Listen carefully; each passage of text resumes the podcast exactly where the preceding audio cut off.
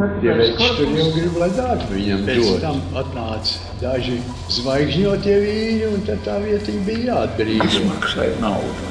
Ne, ne jau tik daudz tās naudas bija tajā. Esmu strādājis un nostādījis pašā nodaļā. Vefā ražotājs, viņi kaut ko vērto puceļu, bet nevar saprast, kāpēc tas Vēfiešu zibatmiņas. Arthurs Spīncis dzimis 1920. gada 17. maijā. Izglītība augstākā elektrosakara inženieris. Profesija - sakara aparatūras kontrolieris no 1986. gada. Pirms tam konstruktora biroja vadošais inženieris, sektora vadītājs. Strādājis rūpnīcā VF no 1940. gada aprīļa, optiskās nodaļas fotoaparāta Minox ražošanas iecirknī. Vispilgtāk atmiņā man palicis Vēja sporta dzīves traģiskais notikums 1942. gadā. Rūpnīcas sporta laukumā, tagadējās kultūras pilsētas teritorijā, ziemas periodā bija savest munīcija, granātas, bumbas. Pavasarī sportisti organizēja svētdienas talku stadiona atbrīvošanai no munīcijas, lai stadionu varētu izmantot sporta nodarbībām. Pasākums bija saskaņots ar Vācu armijas pārstāvjiem, piedalījās arī viņu pārstāvis. Bumbas krāvām automašīnās, metām kā akmeņus, vedām uz Čiekurkalnu staciju, krāvām vagonos, lai tās izved no Rīgas. Vakar pusē Čiekurkalnu stacijā notika sprādziens. Vēlāk noskaidrojās, ka padodot mašīnu atpakaļgaitā, pie vagona durvīm no automašīnas kravas kastes izkrita viena granāta, kas atsitoties pret zemi sprāga. Vagona durvīs stāvošie futbolisti, Peiča, Rozītis, Boka tika nogalināti. Smagi ievainoja Bruno Rasu un vēl dažus. Pēc nedēļas savus biedrus mēs guldījām meža kapos, kopējā kapā. Izvadīšanā piedalījās vairāki simti vefiešu un rīdzinieku. Šī bēdīgā epizode rāda, ar kādu entuziasmu un azartu sportisti vēlējās atgriezt savu stadionu sportošanai, neskatoties uz visai smago desmit stundu darba dienu rūpnīcā okupācijas apstākļos. Artūrs Pīņš atmiņas lasīja Ivars Epners, ilgadēji VF un komutātora inženiera Kristapa Epnera dēls.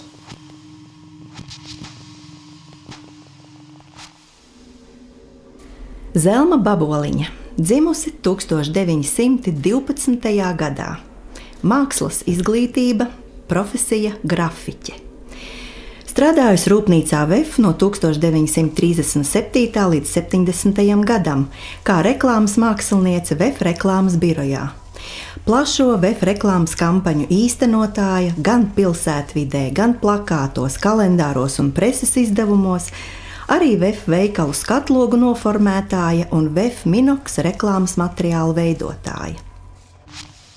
1937. gada martā uzsāku darbu gaitas rūpnīcā VF kā grafiķe.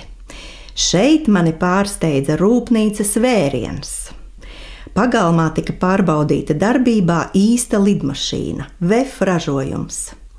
Reizēm pavīdēja lidmašīnas konstruktora Kārļa Irbītes slaidais stāvs. Viņa brālis Adolfs Irbīte vēlāk kļuva reklāmas biroja vadītājs un mazā spēcīgā auguma bandinieks, kurš ar šo lidmašīnu apbrauca vai pusi Eiropas. Man bija jāraksta tehniskie dati lidmašīnai franču valodā, jo maršrutā ietilpa arī Parīze. Atmiņas saistās arī ar Minoks reklāmu. Un VF rūpnīcai bija divi veikali ar daudziem skatlogiem, kurus bieži atjaunoja, jo bija jau arī ko izstādīt, kā radioaparāti, gludekļi, spuldzes, fotopapīrs, baterijas, putekļu sūcēji un daudz kas cits, arī telefona aparāti. Tā Zelma Baboliņa 1991. gada 17. februārī, tieši pirms 30 gadiem. Tekstu ierunāja Sandra Zandberga, VF kultūras pilsētas mākslinieckā vadītāja.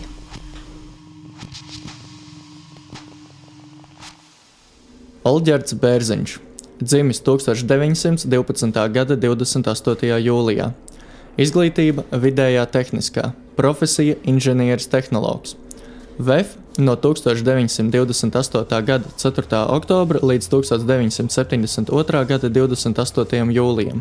Telefonu mezglu montāžas cehs, optikas nodaļa pie Minoks, rūpnīcas tehniskās kontrolas nodaļa, eksperimentālais cehs, telefonu montāžas cehs.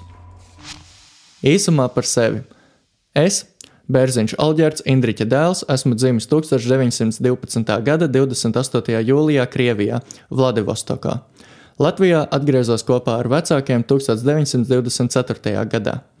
VEF sāku strādāt 1928. gada 4. oktobrī kā smalka mehāniķa māceklis telefona mēsglu montāžas cehā līdz 1932. gadam.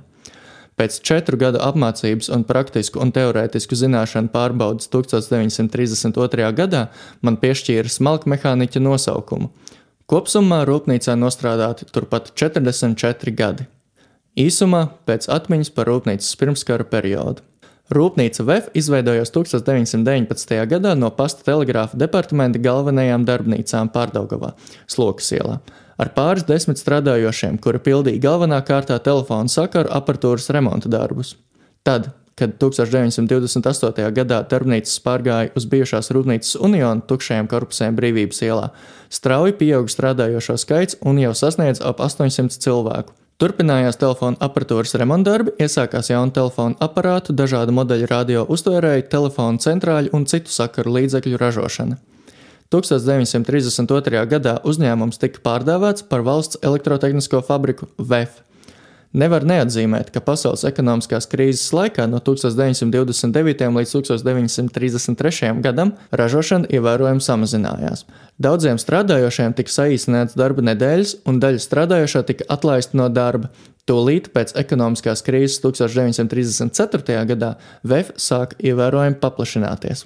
Bez jau esošajiem ražojumiem rūpnīca sāka masveidīgi ražot arī elektriskās spuldzes, dažāda veida elementus un baterijas, akumulatorus, kabatas lukturīšus, gludekļus, bārdas skujamos aparātus, elektroarmatūru, kabeļus, vadus un daudz, daudz citus ražojumus galvenā kārtā iekšējam tirgum.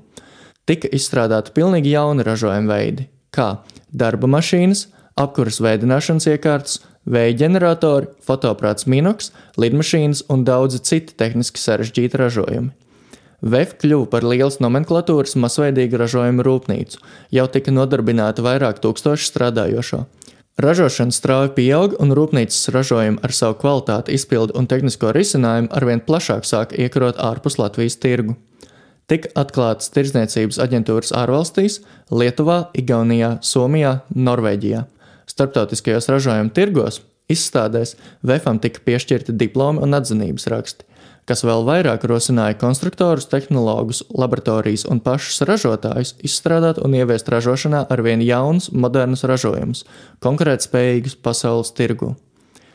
Gribas vēl atzīmēt, ka VF veikalos rūpnīcas darbinieki pie pirkuma izdarīšanas, uzrādot strādājošā kontrolas numuru vai citu apstiprinošu dokumentu, varēja neierobežoti nopirkt visus rūpnīcas ražojumus vai to daļas un mezglus ar ievērojumu pārdošanas cenas atlaidi līdz pat 50%. 1993. gada 11. janvārī. Olģerta Bērziņa stāstu stāstīja Artūrs Sedriks, VF kultūras pils skaņu režisors. Jevģīnijas Kitovs dzimis 1912. gada 27. martā. Izglītība, reāla gimnāzija un vakara tehnikums. Profesija - inženieris, pirmās kategorijas konstruktors strādājis rūpnīcā VEF no 1935. gada transformatoru, mašīnu un mehāniskajā nodaļā. VEF rūpnīcā sāku strādāt transformatoru izgatavošanas darbnīcā, pārnākot no obligātā kara dienesta. Pēc neilga laika tiku pārcelts mašīnu nodaļā, kuru vadīja Čermaņa kungs. Nodaļā vispirms apguvu štanču un dažādu ierīču konstruēšanu, to izgatavošanu. Pēc kāda laika nodibināja atsevišķu ierīču biroju, kuru uzticēja vadīt man. No tā laika sāku iepazīt gan rūpnīcu, gan tās cilvēkus. Samērā ātri izdevās nodibināt kontaktus tekošā darbā.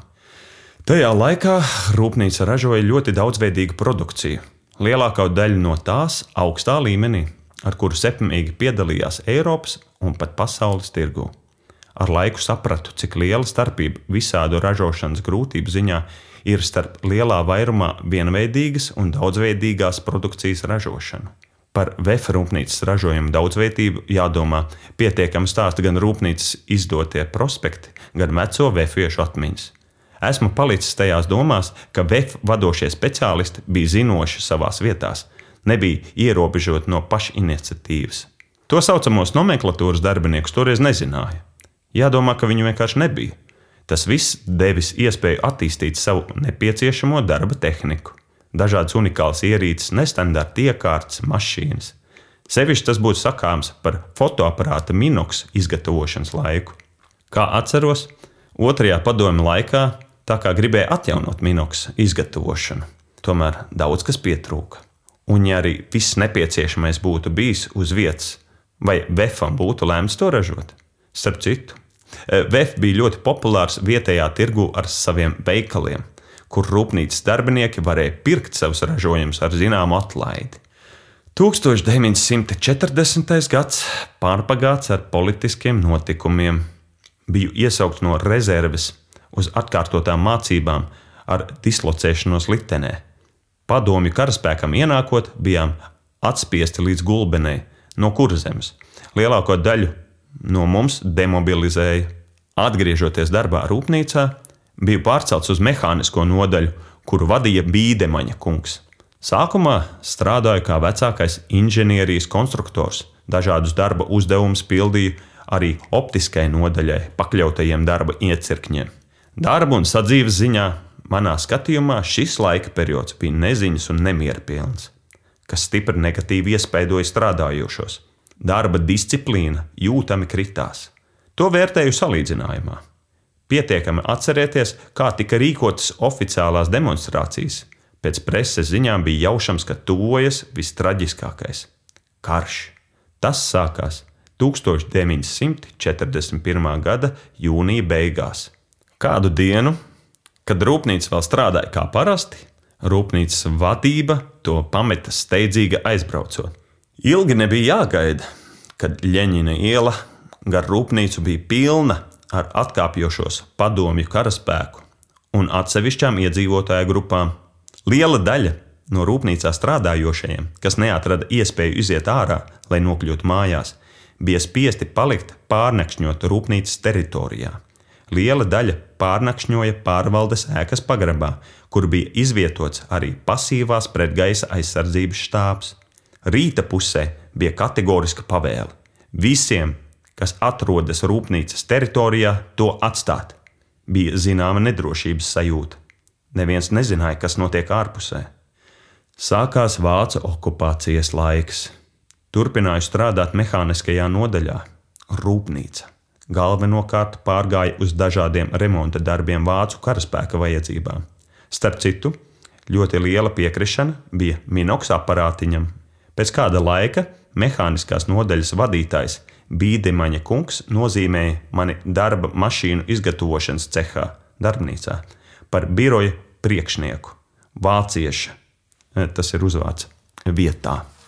Piezīmē, tas ir uzvārds, izdaru tāpēc, ka turpmākā manis apvainojošā lietā ar zināmu tendenci to pārvērt par tautību. Nekādas ražošanas tehnikas izaugsmes tajā laikā neatceros. 1944. gada beigas, īsi pirms padomju karaspēka ienākšanas, daudzi rūpnīcas speciālisti devās bēgļu gaitās uz rietumiem. Mehāniskās nodaļas vadītāja vietu kādu laiku izpildīja Eglis kungs. 1945. gadā strādāju kā mašīnu pasportizācijas biroja priekšnieks. Manā uzdevumā bija arī pieņemt un noformēt trofeju mašīnas – kas pienāca ar ešaloniem no Vācijas. Ar rūpniecības lauka pārstāvi vajadzēja noteikt mašīnu komplekta stāvokli un nocenot. Rūpnīcai nevajadzīgu mašīnu dokumentāciju vajadzēja attiecīgi tam laikam atbilstoši noformulēt un nosūtīt attiecīgai ministrijai Maskavā. Starp trofeju mašīnām pazinu daudzas, kas bija izvestas no VEFA. Kad melnais darbs bija padarīts, no mana biroja darbiniekiem atvaļinātais sāka mani denuncēt, nekautrējoties lūgt rūpnīcas direktoru Gaili nozīmēt viņu manā vietā. Divas viņa vēstules man bija dots iespēja izlasīt.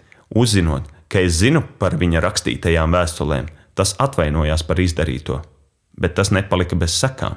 Vispirms man tika piedāvāts pāriet strādāt uz konstruktoru biroju, kuru vadīja Jevgenijevs. Es atteicos, jo zināju, ka ar to cilvēku nevarēšu sastrādāties. Zinādams, ka direktors tādus iebildumus necieš un bez viņa atļaujas toreiz nevarēja mainīt darba vietu, tomēr gāju lūgt viņu parakstīt manu darba uzteikumu. Direktors bija ļoti neapmierināts un atteica.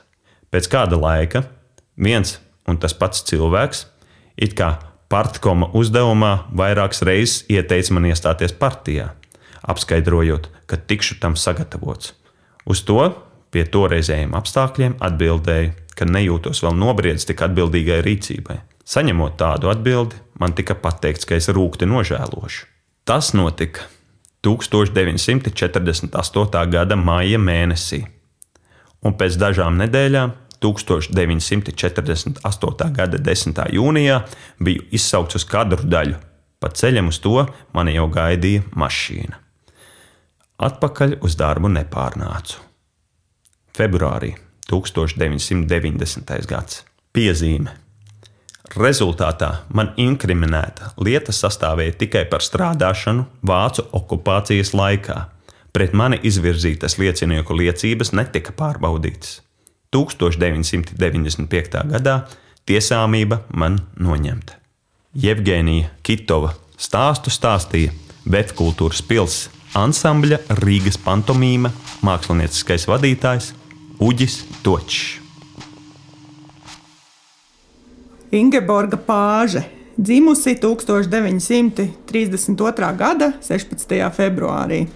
Izglītība vidējā, profesija VF vecākā grāmatvede un vadu sakaru aparatūras regulētāja. Strādājis rūpnīcā VF no 1948. gada līdz 92. gadam VF lielās telefonijas cehā. Tāpat viņa darbojās arī VF darbinieku arotbiedrībā. Atceros, ka visi darbinieki gāja iekšā vēfā pa caurlaidi. Agrāk bija tādi dēļi, uz kuriem bija numuriņi.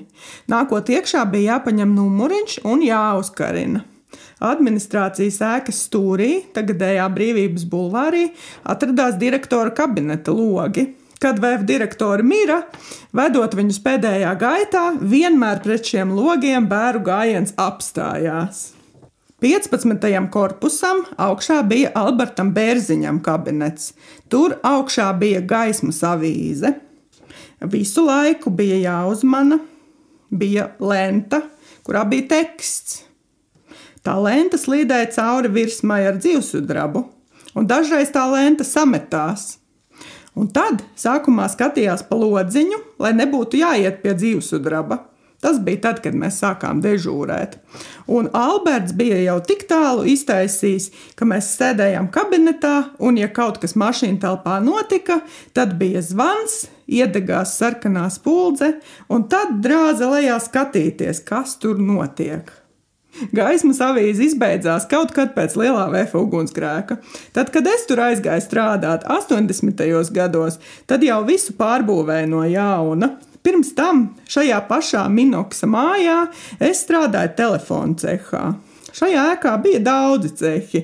Otrajā stāvā biroji un automātisko telefonu centrāļu kompleksu taisīja. Kompleksu lodētāji, pie štatnēm, šemotāji, viss, kas bija vajadzīgs, arī relējus taisīja. Te bija angāri, kur taisīja lidmašīnas. Pie pagalma strūklakas vispār bija ļoti smuki. Soliņi bija, pusdienas laikā te nāca visi pasēdēt. Kādreiz te VF pagalma centrā bija apkuras materiāli, sevišķi kūdra. Kūdru vēl vācu karagūstekņi ratiņos veda uz kurtuvi. Strūklaka savukārt bija domāta arī dzēsēšanai. Vēlāk šeit piecēla klāt vēl vienu strūklaku, kas gan nebija tik smuka. Vītoli, kas pie strūklakas vietas redzami šobrīd, tie stādīti daudz vēlāk. Vītoli jau ātri aug. Pa šo ceļu varēja tikt uz Bērzaunas ielu. Tur arī bija vārti. faktiski transporta vārti, bet, ja vajadzēja, tad laida arī cilvēkus pa tiem. VFā bija arī šūšanas cehi. Halāti mums gan vairs nebija, bet ulmaņa laikā lodētājām un šēmotājām bija balti ķiteļi. Manai tantei bija speciāls darba apģērbs. Katram bija divi darba apģērbi, kurus secīgi deva mazgāt. Ulmaņa laikā jau katram bija jāatrodas savā darba vietā, un nebija nekāda staigāšana apkārt. Šo stāstu lasīja Dārsa Kaprāne, BF vēstures muzeja galvenā krājuma glabātāja. Valdemārs Libats, Gustava dēls. Dzimis 1924. gada 2. augustā. Izglītība, vidējā tehniskā, profesija, tehniķis, elektriķis. Strādājis Rūpnīcā VF no 1939. gada līdz 1978. gadam, VF 11. darbnīcā pie lidmašīnu būves 15. korpusa pirmajā stāvā. Sabiedriskie pienākumi biju biroja Proforks galvenā konstruktora nodaļā un konflikta komisijas loceklis racionalizatoru un izgudrotāju biedrībā. 26. augustā 1967. gadā iecelts par VF darba veterānu. Spilgtā atmiņā palikusi pirmā darba diena. 17. darbnīcā atslēdznieku grupā pie lidmašīnas I-16 detaļu izgatavošanas pie griestiem bija piekārts plakāts ar uzrakstu Strādā pēc labākās sirdsapziņas, jo no tava darba ir atkarīga lidotāja dzīvība. Liels gandarījums bija dzirdot par pirmā mākslīgā zemes paudoņa palaišanu 1957. gada 4. oktobrī, jo biju piedalījies sakara apatūras ražošanas apgūšanā kosmodroma vajadzībām. Tika izstrādātas un ieviestas racionālas pārbaudes metodes. Daudz radošas izdomas bija vajadzīgas, izvedot elektroakustiskos pētījumos telefona aparāta tā 66E projektēšanas vajadzībām 1964. un 65. gadā. Gandarījumu sagādāja elektroakustisko parametru uzlabošanu skaļrunājošam telefona aparātam ATG 70, kura paraugu sāk izgatavot 1969. gadā. 1939. gada 11. septembrī sāku mācīties VF amatu skolā un strādāt 11. darbnīcā atslēdznieku darbus pie lidmašīnu būves. Darbnīcas meistars Volfs man ieteica mācīties par aviomehāniķi, bet es atbildēju, ka man nav tik labs veselības stāvoklis, jo agrāk biju smagi slimojis ar plaušu karsonu un plērītu. 1939. gada decembrī tiku pārcelts uz pirmo darbnīcu pie atslēdznieku darba rīku izgatavošanas. Tā kā biju izteicis vēlēšanos mācīties par elektriķi, mani 1940. gada martā pārcēla uz 26. darbnīcu pie elektromotoru remontiem. 1940. gada maijā 26. darbnīcu apvienoja ar 24. darbnīcu un mani pārcēla pie elektrības skaitītāja montāžas darbiem. 1946. gada 26. augustā iestājās darbā VF galvenā tehnologa nodaļā par telefonijas tehnologu un sāku mācīties Rīgas elektromehāniskajā tehnikumā. Darba gaitas VF atsāku 1951. gada decembrī galvenā konstruktora nodaļā. Strādāja par vecāko tehniku līdz 1953. gada janvārim, kad man pārcēla šajā pašā nodaļā par inženieru projektētāju pie telefona aparātu un centrāļu projektēšanas. 1960. gada maijā man tika piešķirta inženieru pirmā kategorija. Gunārs Bernāts, BF kultūras pilsēta, Krievu tautas instrumentu orķestras atkal vadītājs. Edvīns Straujais, dzimis 1921. gada 25. augustā. Izglītība vidē tehniskā, profesija smalkmehāniķis. Strādājis Rūpnīcas VF no 1939. gada 17. februāra 31. darbnīcā pie Minuks ražošanas. Pēc kara optiskajā centrā, vēlāk 25. cehā. Es sāku strādāt šajā darbnīcā 1939. gada februāra mēnesī, kā praktikants aparātu montēšanas grupā, kur vadīja šīs grupas priekšstrādnieks Artūrs Zariņš. Grupā bija apmēram 30 cilvēki, kuru Minoks aparāts samontēja astoņās operācijās. Es vispirms iemācījos aparātu izjaukšanu un sastādīšanu, atkārtoju to daudzas reizes, līdz viss izdevās pareizi un pietiekami veikli. Darbs bija interesants un ar lielām perspektīvām. Galvenais, ko prasīja, bija kvalitātes un produkcijas izlaides kāpināšana, jo pasaule gaidīja tādus aparātus. Tā drīz pienāca 1940. gada vasara, un pie mums nomainījās valsts vara. Pie mums 31. darbnīcā ieradās jaunais direktors no Vissavienības apskatīt minoks ražošanu. Daži izteicās par to, cik vienkārši un pieticīgi ģērbies ir jaunais direktors.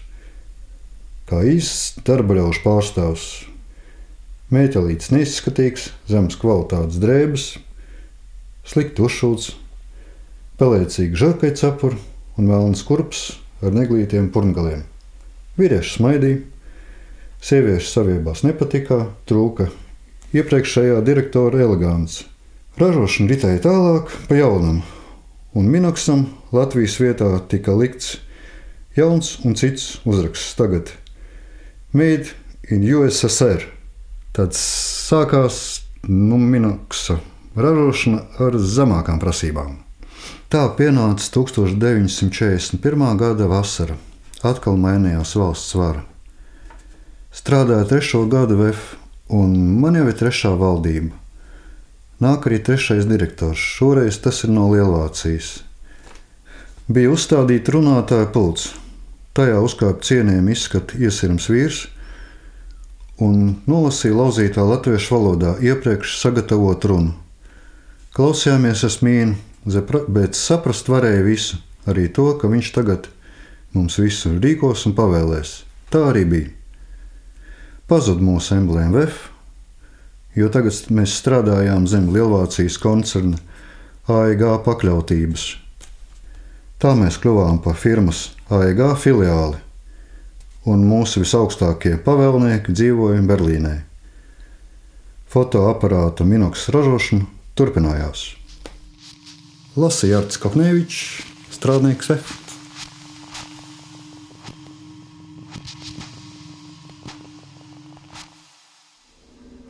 Leontīna Heinrichsone, dzimusi Brūvelis 1920. gada 16. martā. Izglītība, nepabeigta vidusskola. Leontīna strādājusi rūpnīcā VF no 1940. gada jūnija līdz 1976. gadam. Nokļūšana VF. Pieteicos kadru daļā, no kurienes tiku nosūtīta uz pētīšanas institūtu. Cik varēja saprast, tā bija tā, kāda speciāla iestāde, kas testēja jauniešus, kādam darbam tie labāk der. Kur bija jāpilda speciāli uzdevumi. No 17 meitenēm testus izturēja tikai septiņas, arī Leontīna.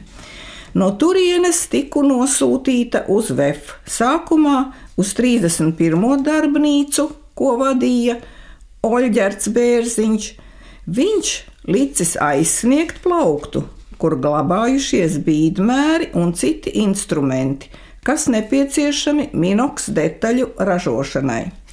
Tā kā biju maza auguma, plauktus aizsniegt nevarēju. Tad ar ieganstu, ka esot pārāk prastas lielas rokas, kas nebūšot piemērotas smalko detaļu satveršanai, atlaida. Pēc kāda laika gan no VF pienāca ziņa, ka atkal jāierodas fabrikā.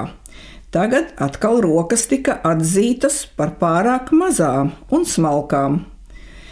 Beigās pieņēma darbā 32. darbnīcā, ko vadīja Peters Herberts. Darbs VF no 1940. gada jūnija. Sāku strādāt vēl Latvijas laikā, 32. darbnīcā, pie minoks kasešu izgatavošanas. Līmēju iekšā fotofilmiņas kasetē samta lentīti. Strādāju arī pie filmu kasešu štancēšanas, aizvietoju darbinieces, kas guvušas traumas. Veices birojā bija vairāk papīra darbs, tabeļvedes vietā, algu kartiņas uzskaite un tā tālāk. Tur bija darbiniece Mērija, kas kaut ko salaida grīstē. Pēc tam strādāju noliktavā, rīku noliktavā par pārzini. Tad biju dekrētā.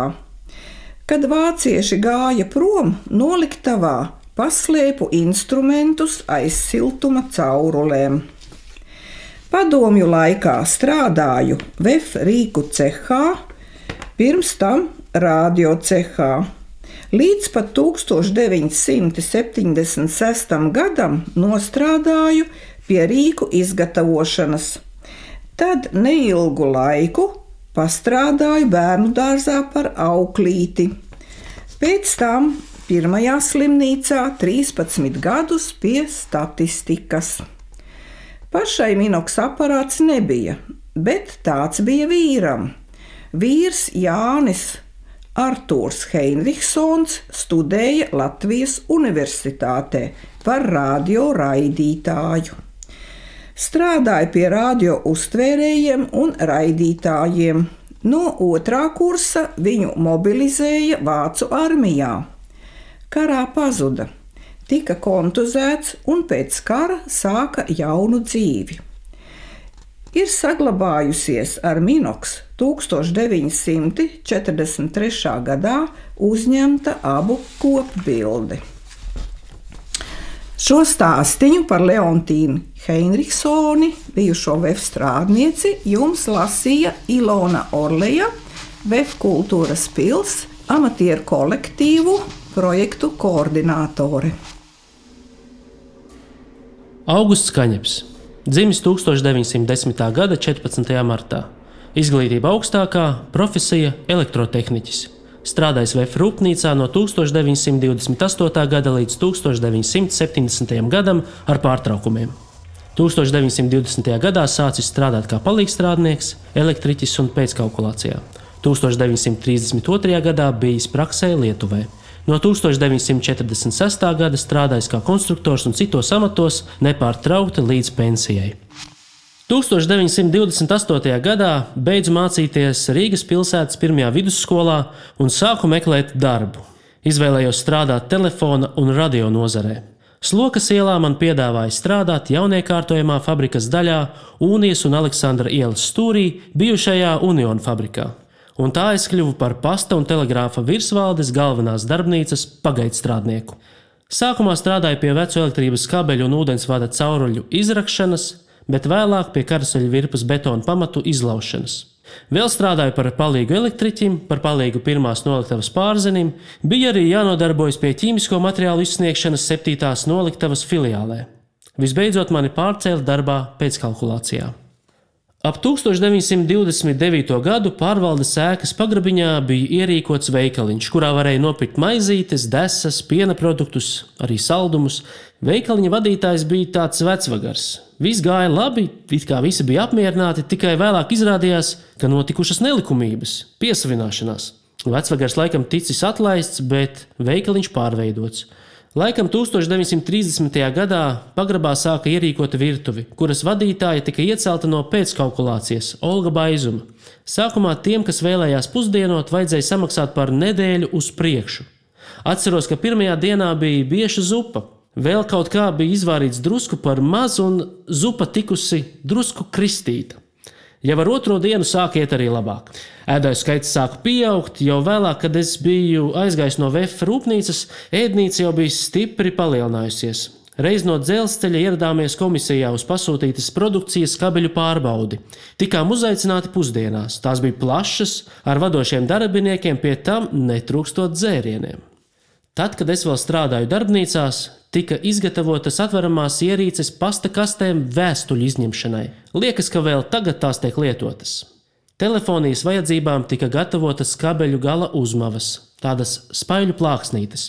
To vajadzībām tika gatavota no vaska parafīna kabeļu masa, tika arī gatavota pulieru pasta niķelēto un chromēto virsmu pulēšanai. Manuprāt, līdz apmēram 1931. gadam PTVGD un vēlāk PTDGD un visbeidzot VEF bija diezgan zemā līmenī.